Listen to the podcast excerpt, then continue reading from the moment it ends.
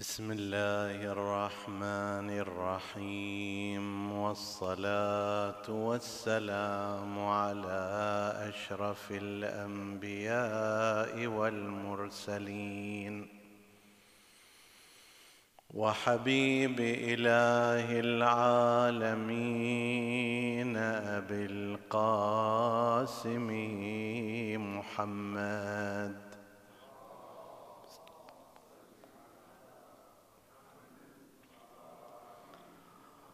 وعلى أهل بيته الطيبين الطاهرين المعصومين المكرمين. اللهم صل وسلم وزد وبارك وترحم وتحنن على نبيك المصطفى ووصيه المرتضى.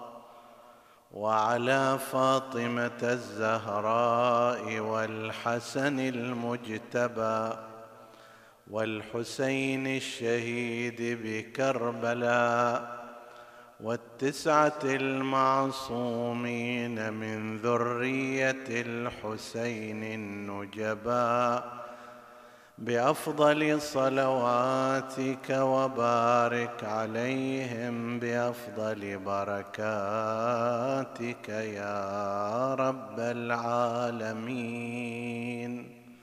اللهم صل على محمد وآل محمد.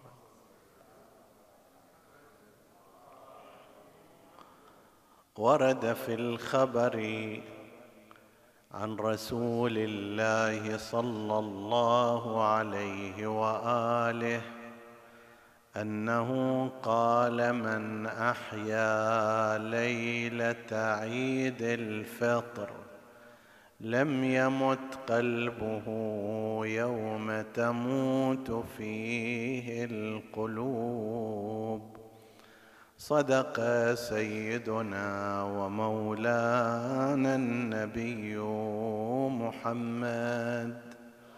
اللهم صل على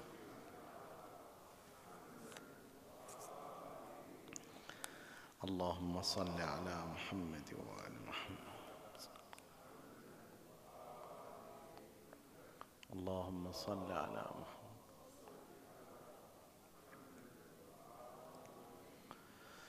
ونحن في آخر ليالي شهر رمضان المبارك وليالي هذا هذا المجلس نسأل الله سبحانه وتعالى أن يتقبل منكم ومنا ومن جميع المؤمنين والمؤمنات أعمالهم وطاعاتهم وأن يجعلهم من عتقائه من جهنم ويجعلنا كذلك وأن يمن علينا وعليهم بجنته الواسعة إنه على كل شيء قدير.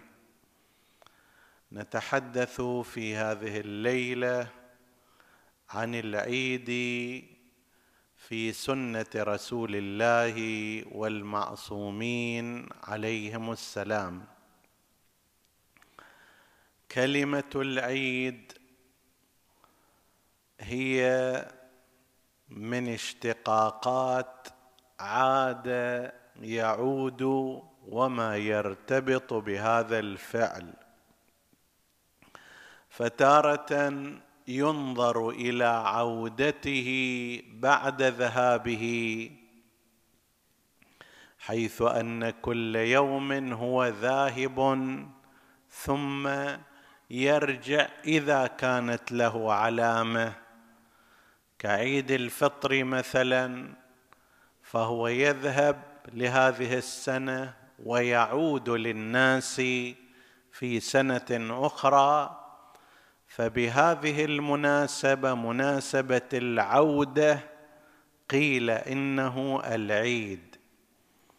أو كما يرى بعض اللغويين هو من العادة لا من العودة حيث أن الناس يعتادون في هذه المناسبة على مجموعة من الأعمال والممارسات فهو عيد باعتبار الاعتياد والعادة.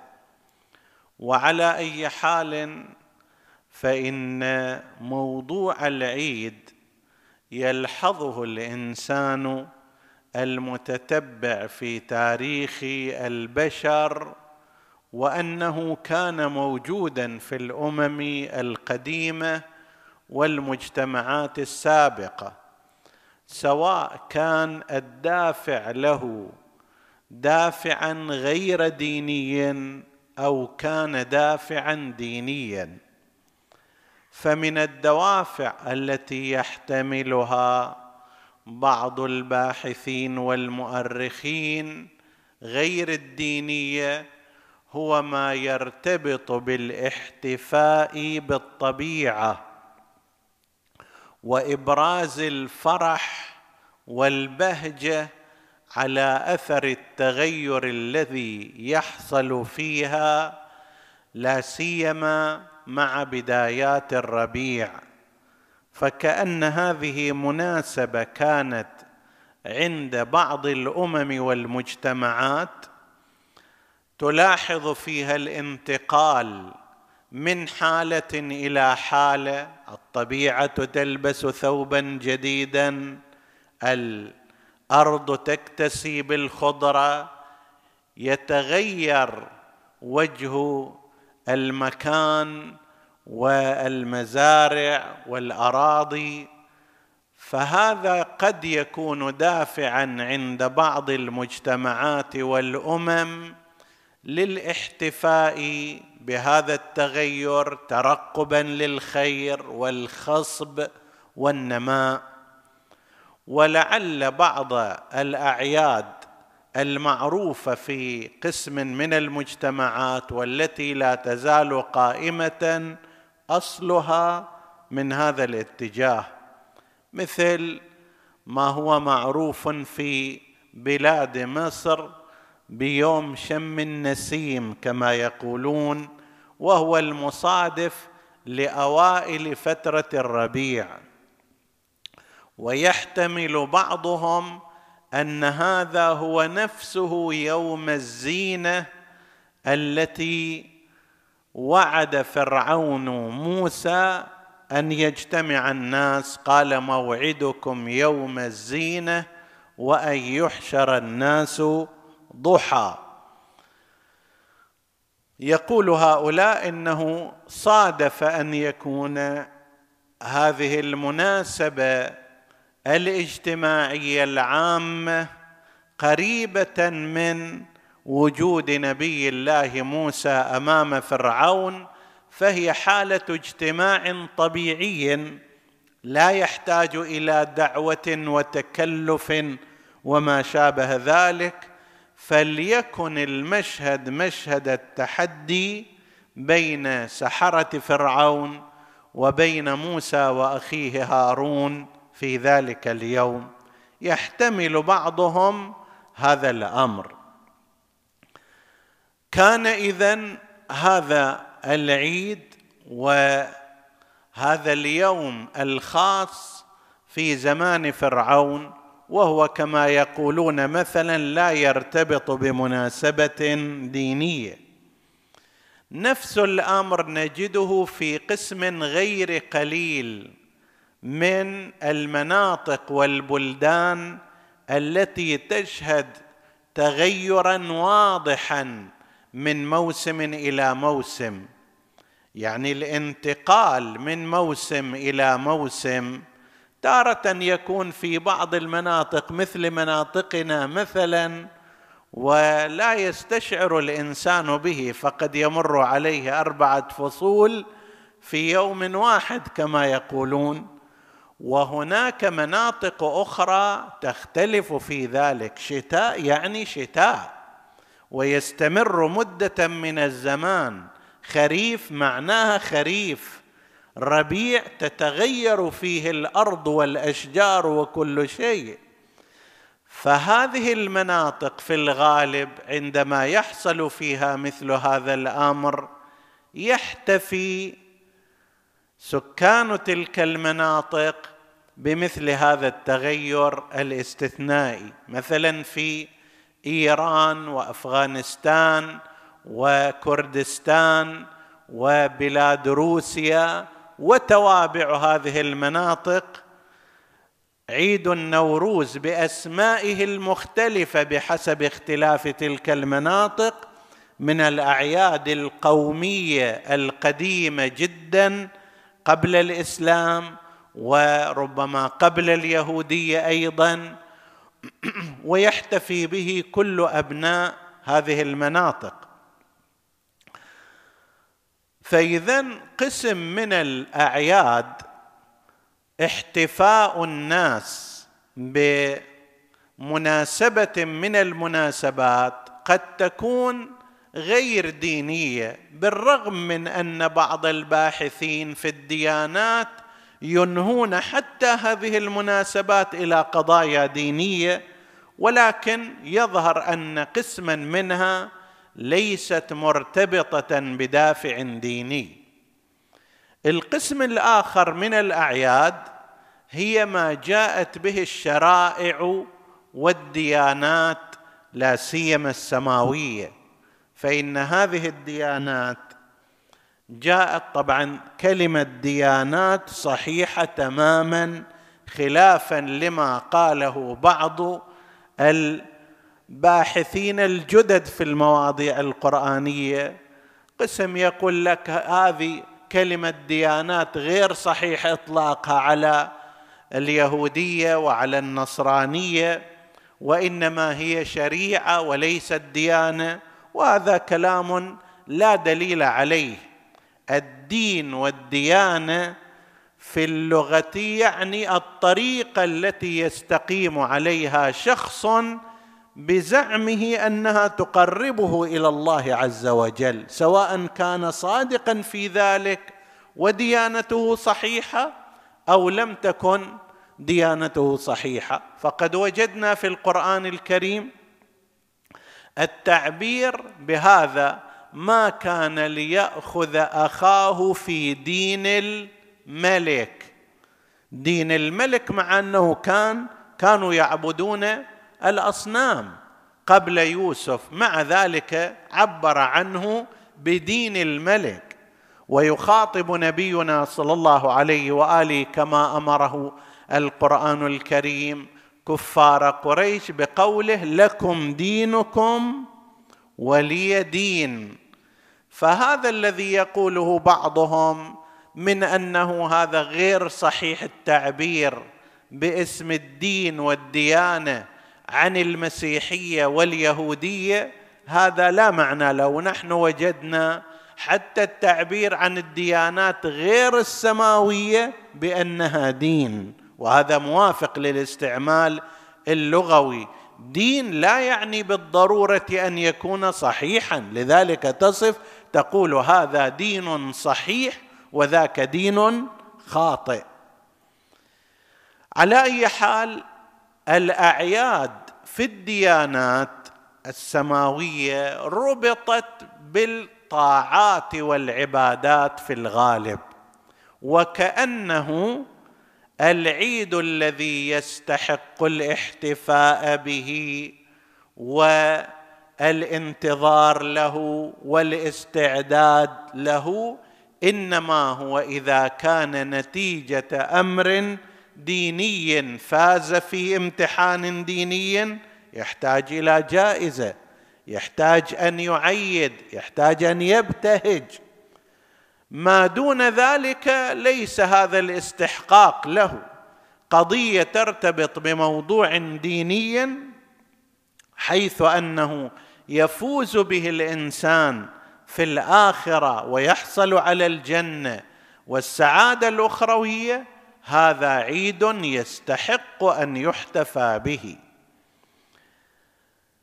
في الإسلام في المسيحية واليهودية توجد أعياد كثيرة منها مثلا عيد الغفران عند اليهود.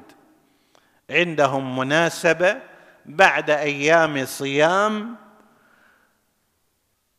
يعيدون في يوم يسمونه عيد الغفران أو يوم الغفران وكأنه في اعتقاداتهم قد غفر الله تعالى لهم فيستحق ذلك أن يعيدوا لأجله.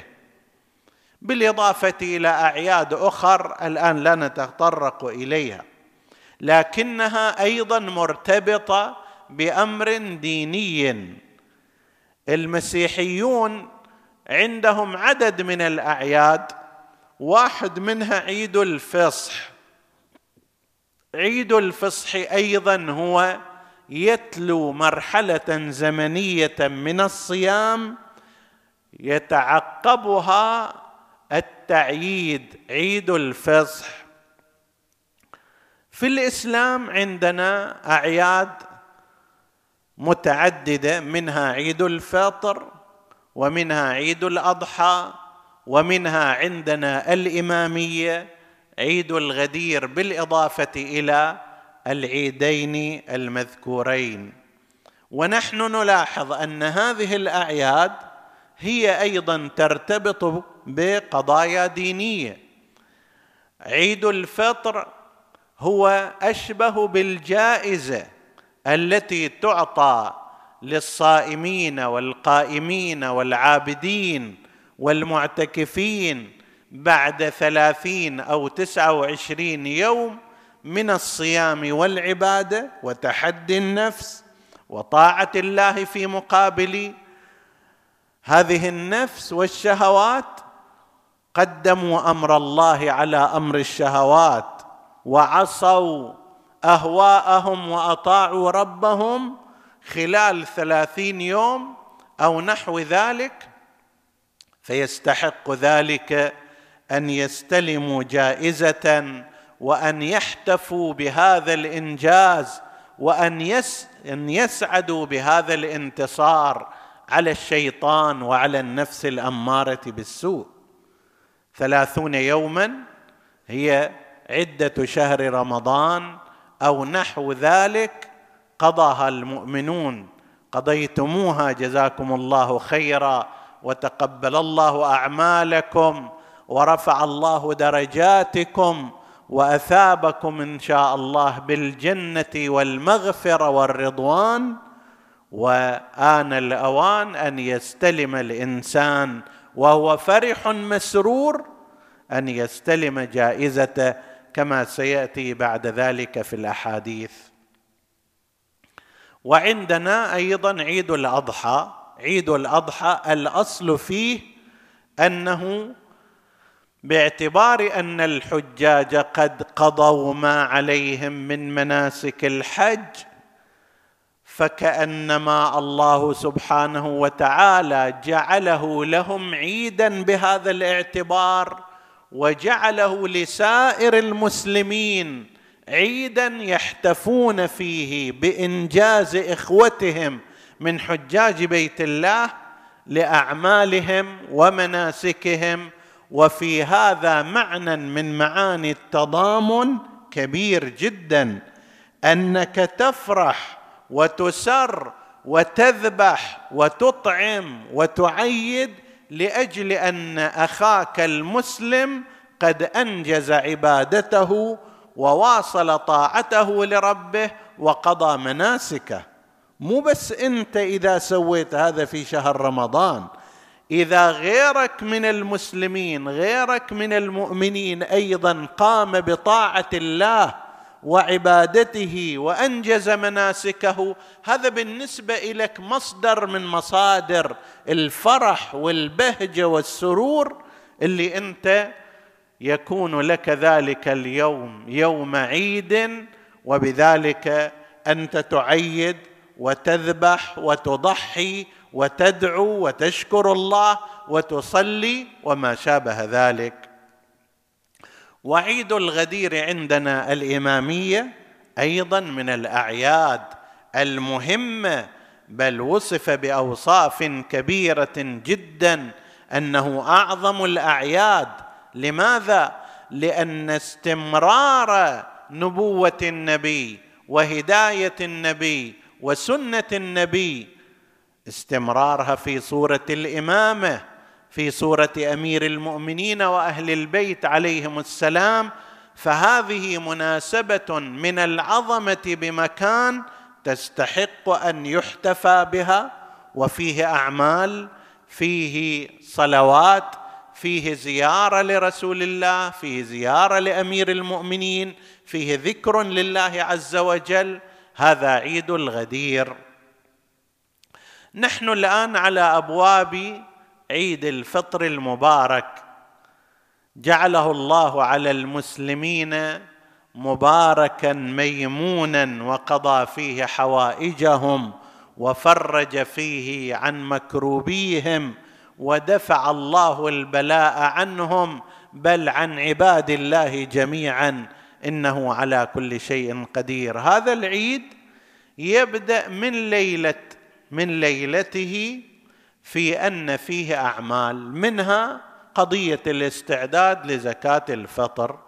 يجهز الإنسان زكاته لكي يسددها ويؤديها باعتبار بغروب الشمس يبدأ وقتها وينتهي وقتها إلى ما قبل صلاة يوم العيد لمن أراد الصلاة. بعد صلاة العيد ما تصير زكاة فطر وإنما تصير صدقة عامة. إلا إذا عزلها الإنسان قبل ذلك لحاجة وغرض عقلائي. مثلا واحد من ارحامه فقير فيعزلها إليه. هذا غرض عقلائي. يعزلها يشيلها من جيبه خليها في الجيب الآخر. يشيلها من جيبه يخليها في ظرف يشيلها من جيبه يخليها في صندوق وهكذا. أو أن يكون شخص من جيرانه أو أهل بلدته أكثر حاجة عند حالة فقر شديدة وبالتالي هو أحوج من غيره لكنه لا يصل إليه الآن.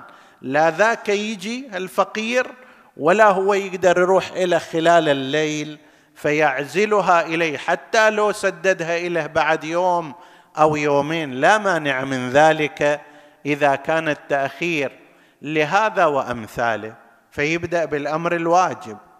ثم إحياء ليلة عيد الفطر من المستحبات المؤكدة عندنا الإمامية بل عند غيرنا. وإن كان هذا الحديث الذي نقلناه هو في مصادر مدرسة الخلفاء موجود كحديث من الأحاديث الضعيفة لكنه عندنا موجود في الوسائل وسائل الشيعة. وسواء كان بسند معتبر أو كان بسند ضعيف فإن علماءنا كما تعرفون بل بعض علماء مدرسة الخلفاء أيضا يعتقدون بأن الحديث الضعيف الذي يأتي في أمور المستحبات والفضائل أذكار صلوات أغسال ما شابه ذلك من الأمور المستحبة لا ينبغي التدقيق في سنده وإنما يعمل فيه بقاعدة التسامح في أدلة السنن. تسامح في أدلة المستحبات يعني الشروط التي نشترطها في الروايات الفقهية الإلزامية يجب ويحرم وما شابه ذلك. تلك الشروط شروط صارمة ما يتنازل عنها. ما تقدر توجب شيء إلا بخبر معتبر تام. ما تقدر تحرم شيء إلا بخبر معتبر تام. ما تقدر تشترط شيء إلا كذلك. ما تقدر تنفي اشتراط شيء إلا بهذا النحو. لكن في القضايا المستحبة غسل مثلا ليلة عيد الفطر سواء جاء بخبر معتبر أو بخبر غير معتبر ضعيف تستطيع أن تأتي به. نعم هناك آثار فقهية مثل أنه ما جاء بخبر معتبر من الأغسال يكفي عن الوضوء في رأي مشهور العلماء. وأما إذا بخبر غير معتبر تقدر تغتسل ويمكن تحصل ثواب أيضا ولكن لا بد معه من الوضوء لو أردت الصلاة حتى الصلاة المستحبة. وأما في غير هذا يعني القيام بهذه الأعمال ذكر جاء من قال لا إله إلا الله في كل يوم حصل من الثواب كذا وكذا. من اغتسل كذا وكذا. من صلى ليلة تسعة وعشرين بهذه الكيفية كان له مثلا جواز على الصراط. وأمثال ذلك. هذه علماؤنا وهو الرأي الصحيح المحقق يقولون بأنه لا داعي لأن ندقق في أسانيدها تدقيقا تاما وإنما نعملها ونأتي بها برجاء أن يكون النبي قد قالها أو المعصوم قد قالها وآنئذ نحصل على ثواب كبير. بل أكثر من هذا. عندنا روايات كثيرة اللي هي مصدر لهذه القاعدة من سمع أو من بلغه عن رسول الله ثواب على عمل فأتى به.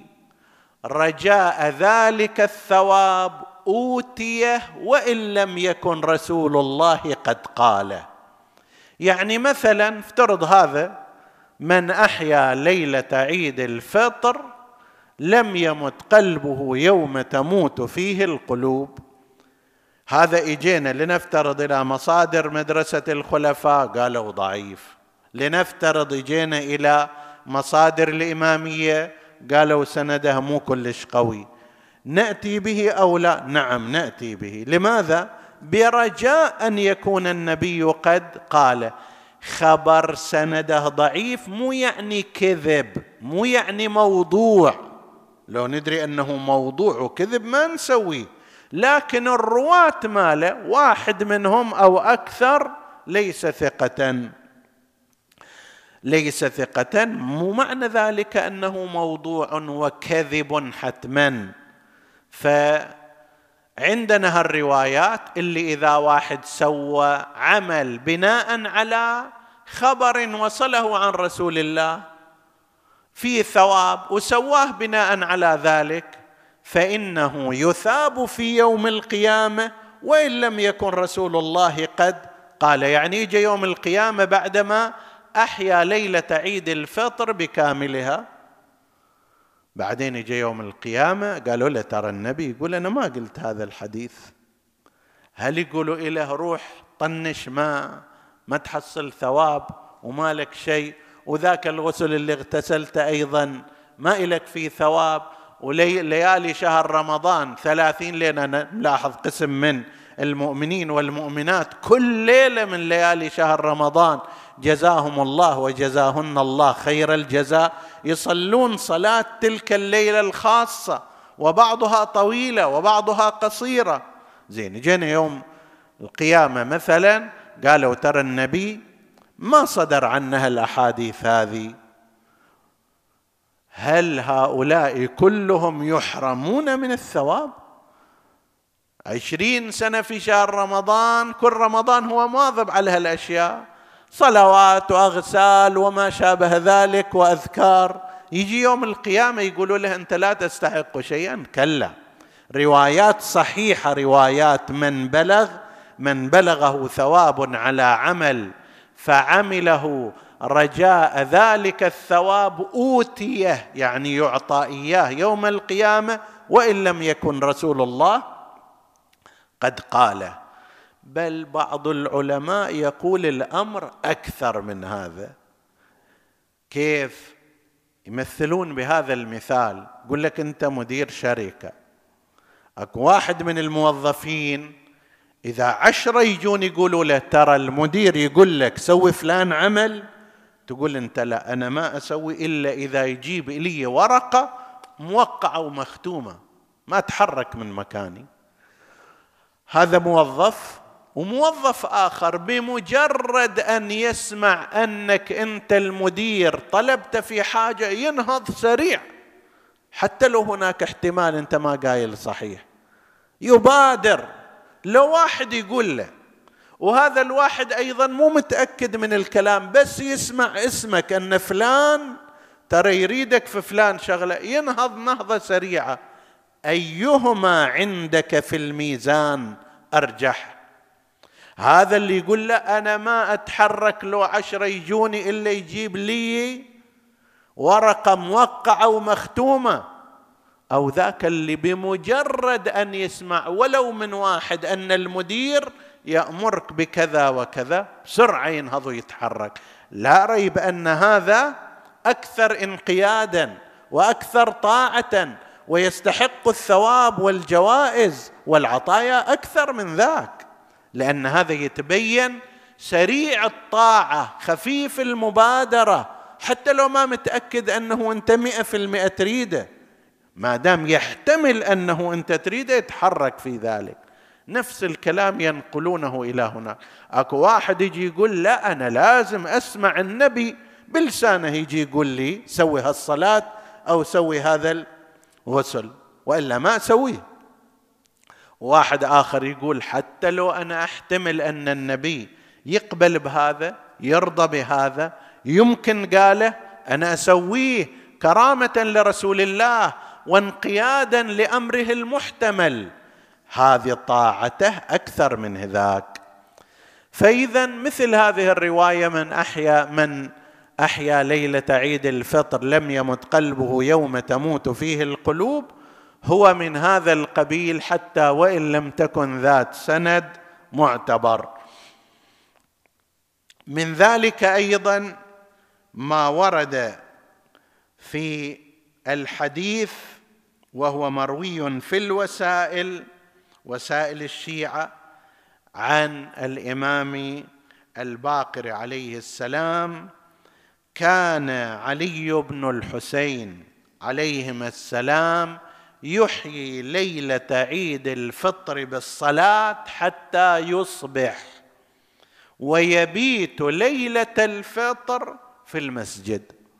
طول ليلة واحد من ذي من شوال ليلة عيد الفطر طولها يكون في المسجد يحيي هذا هذا الليل بالعبادة والتهجد والحمد لله الناس في أوضاعهم الاعتيادية الآن تعودوا على السهر خلال شهر كامل. فلا تحرمن أنفسكم من إحياء ليلة عيد الفطر بالذكر والدعاء والمناجاة والشكر لله والحمد لله على أن وفقكم ووفقنا ووفق المؤمنين لصيام هذا الشهر. هذا في الليل وأما في النهار فبالإضافة إلى الحرص على قضية صلاة العيد والذهاب إليها بعدما يزكي الإنسان يذهب لصلاة العيد ويأكل قبل الصلاة في يوم العيد المستحب يوم عيد الفطر أن يأكل شيئا قبل الصلاة حتى يدشن أنه ترى اليوم هذا مو يوم صوم وإنما هو يوم إفطار فيأكل ما تيسر له من شيء ولو بتمرة ولو بمقدار من الماء حتى يصلي هذه الصلاة في يوم عيد الفطر لا يوم صوم وإمساك. وبعد ذلك يكون قد أعد أفضل ما يجد. في الرواية التي ينقلها المستدرك الحاكم النيسابوري في المستدرك عن إمامنا الحسن المجتبى عليهما السلام عليه وعلى أبيه السلام يقول أمرنا رسول الله. أي من سنن رسول الله صلى الله عليه وآله من سنته وسنة المعصومين. أمرنا رسول الله في يوم العيد أن نلبس أجود ما نجد. لاحظوا التعبير أجود ما نجد. مرة يصير يوم العيد مشكلة من المشاكل وسفاير حسب التعبير.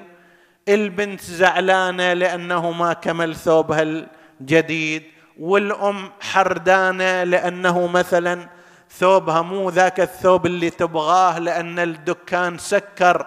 ليلة العيد وما حصلته فاضطرت أن تمشي نفسها بأي ثوب آخر. وما أدري الشاب ضارب عنده المؤشر فوق لأن الخياط ما خلص. خياطة ثوبه. وهذا العيد يصير فد شيء من الإزعاج للجميع. لا يا أخي أجود ما تجد. في البيت شنو عندك؟ عندك ثياب بعضها قديم بعضها متسخ واحد منها ثاني منها لا نظيف نضر جيد. يمكن أن تكويه مثلا وترتبه وتخرج. هذا أجود ما تجد فيه مو مضطر أنت أن تروح تصرف كذا ألف ريال حتى شنو؟ تعيد. ولا سيما بالنسبة لبعض الناس الذين لا يجدون هذا الأمر يصير مصدر من مصادر التباهي والتفاخر المقيت. طيب أنه أنا لبست ثوب مثلا بعض النساء أربعة آلاف ريال خمسة آلاف ريال وتجي تقول أيضا وتبين أنه هذا من الديور وهذا من ما أدري جفنشي وهذا من المصمم الفلاني وأمثال ذلك. ليس هذا من الأمور لا المستحسنة دينيا ولا المناسبة اجتماعيا. هذا ليس امرا مناسبا من الناحية الاجتماعية. قيمتك أيها الإنسان قيمتك أيتها الانسانه ليس بالقماش الذي على جلدك وجلدك وان إنما قيمتك بتقواك وأخلاقك وطاعة ربك وانسجامك مع أهلك ومع من تعرفين. هذه هي القيمة الحقيقية. أما إذا واحد جاي وشامخ بانفه لأنه مثلا العباية مالته بذاك القيمة أو ما أدري الثوب مالها بذاك بتلك القيمة. هذا خلاف خلاف أهداف العيد. خلاف أهداف العيد. أمرنا رسول الله صلى الله عليه وآله أن نلبس أجود ما نجد. اللي نقدر نحصله أفضل شيء عندنا نسويه وأن وأن نطيب بأجود ما نجد. عندي عدة عطور مثلا. واحد مستواه نازل واحد متوسط واحد فاخر. خل أطيب يوم العيد بالفاخر. هذا الموجود. أما أروح أشتري لي كذا بمقدار كذا وكذا؟ لا ليس مطلوبا مني هذا. باعتبار يستحب التطيب والتعطر. أجود ما نجد. وأن نضحي نذبح أضحية بأجود ما نجد وهكذا. هذا اليوم هو يوم الجوائز يوم عيد الفطر. نسأل الله أن يجعل جائزتنا وإياكم جائزة الجنة. في الرواية وهو وهي منقولة بتفصيل في معجم الطبراني الكبير وباختصار وببعض العبارات المختلفة لكن شبيهة في المضمون في الكافي لثقة الإسلام الكليني. ننقل إحنا باعتبار التفصيل فيها ما جاء في المعجم الكبير للطبراني عن رسول الله صلى الله عليه وآله. إذا كان يوم الفطر وقفت الملائكة على أبواب الطرق فنادوا اغدوا يا معشر المسلمين إلى رب كريم يمن بالخير ثم يثيب عليه الجزيل. ملائكة تتباشر بالمسلمين وتقول لهم تفضلوا روحوا إلى جوائزكم. روحوا إلى الصلاة. سيأتيكم بعد ذلك جزاء وثواب عظيم. لقد أمرتم ثناء على شوفوا أنتم شنو سويتوا أيها المسلمون. لقد أمرتم بقيام الليل فقمتم هنيئا لكم. لقد أمرتم بقيام الليل فقمتم. وأمرتم بصيام النهار فصمتم. وأطعتم ربكم. غيركم سهروا على أمور غير حسنة وتركوا الصيام في شهر رمضان نهارا. لكنكم أنتم قمتم الليل بحمد الله وصمتم النهار بمعونة الله عز وجل. زين النتيجة وأطعتم ربكم فاقبضوا جوائزكم.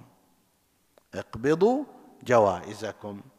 فإذا صلوا نادى مناد ألا إن ربكم قد غفر لكم. اللهم صل على محمد. إذا المغفرة بس هالصلوات تستاهل. ما أدري شلون هذه مغفرة.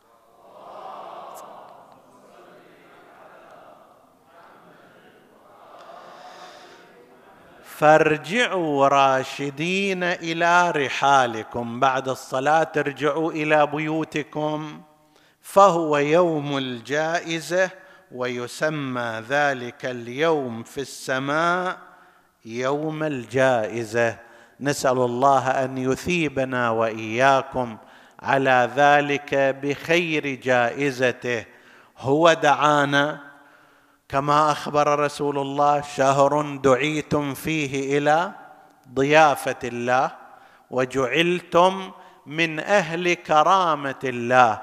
الكرامة لا يمكن أن تكتمل بدون الحصول على الجنة. أي شيء نعطى من دون الجنة لا تكون كرامة.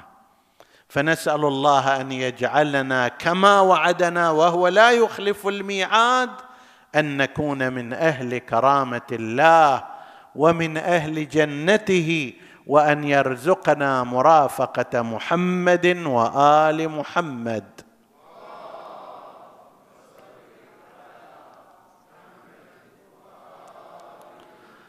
نتبرك قبل الختام بذكر بعض أبيات المدح والثناء على من كان سببا لنا بل هو السبب في هدايتنا فمنه كل خير ومنهم كل خير ويتفرع بعد ذلك سائر مناحي الخيرات. الهداية هي كل خير.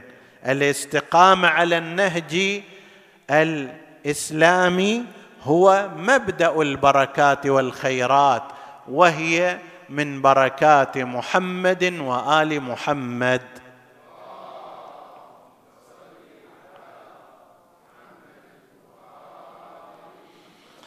فاق النبيين فاق النبيين في خلق وفي خلق ولم يدانوه في علم ولا كرم. وكلهم من رسول الله ملتمسون.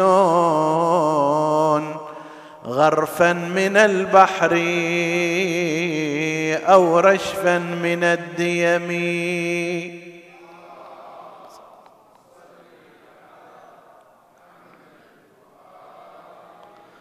فهو الذي تم معناه وصورته ثم اصطفاه نبيا بارئ النسم منزه عن شريك في محاسنه فجوهر الحسن فيه غير منقسم.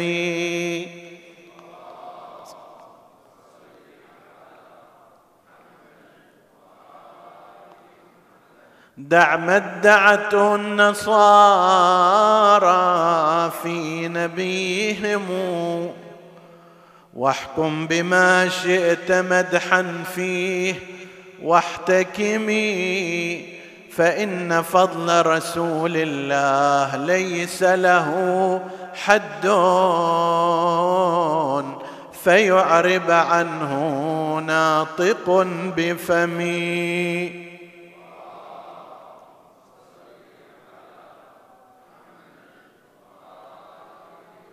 وأما أمير المؤمنين سلام الله عليه ثبتنا الله على ولايته والبراءة من أعدائه ولايتي لأمير النحل تكفيني.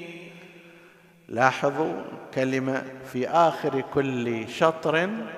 هي نفس الكلمة ولكن بمعنى يختلف عن المعنى الآخر ولايتي تكفيني من الكفاية.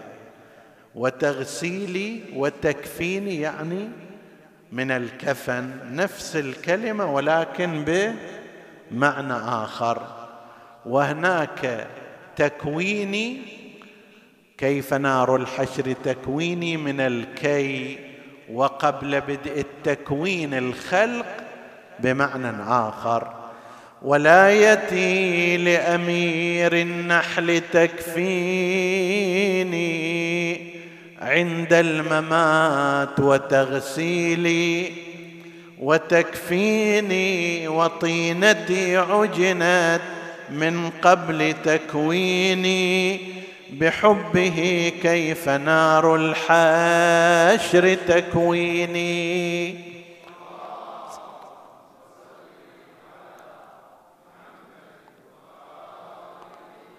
وأما آل بيت محمد يا آل بيت رسول الله حبكم فرض من الله. في القرآن أنزله كفاكم من عظيم الشأن أنكم من لم يصلي عليكم لا صلاة له.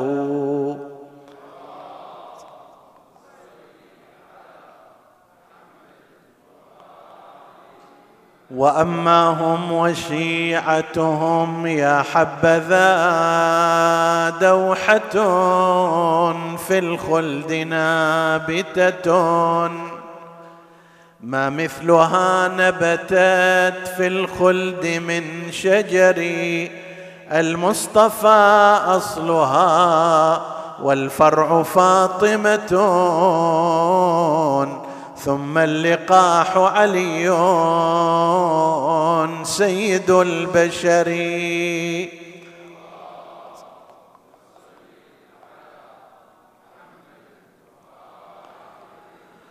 والفاطميان سبطاه لها ثمر والشيعة جعلنا الله وإياكم منهم والشيعة الورق الملتف بالثمر.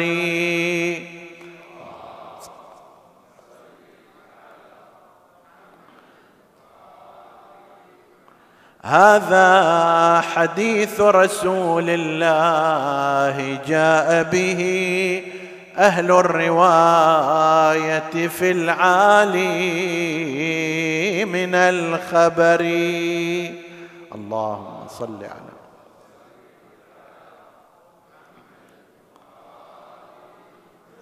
اللهم صل على محمد وآل محمد. اللهم إنا نسألك بمحمد وآل محمد وبحقهم عليك أن تصلي عليهم عدد خلقك وزنه خلقك وملء خلقك إلى يوم قيامتك يا رب العالمين.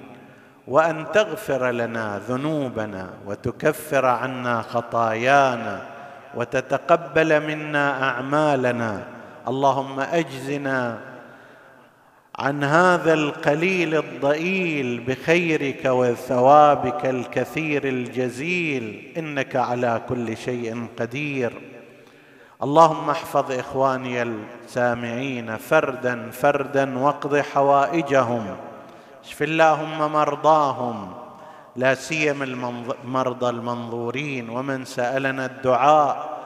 اللهم اشفهم بشفائك وداوهم بدوائك وعافهم من بلائك بحق محمد وآله أوليائك. إنك على كل شيء قدير. أسأل الله سبحانه وتعالى أن يبلغنا وإياكم شهر رمضان في كل عام في خير وعافية وأمن وإيمان. وسعة رزق إنه على كل شيء قدير وأن يعجل في فرج مولانا صاحب العصر والزمان بمحمد وآله الطاهرين.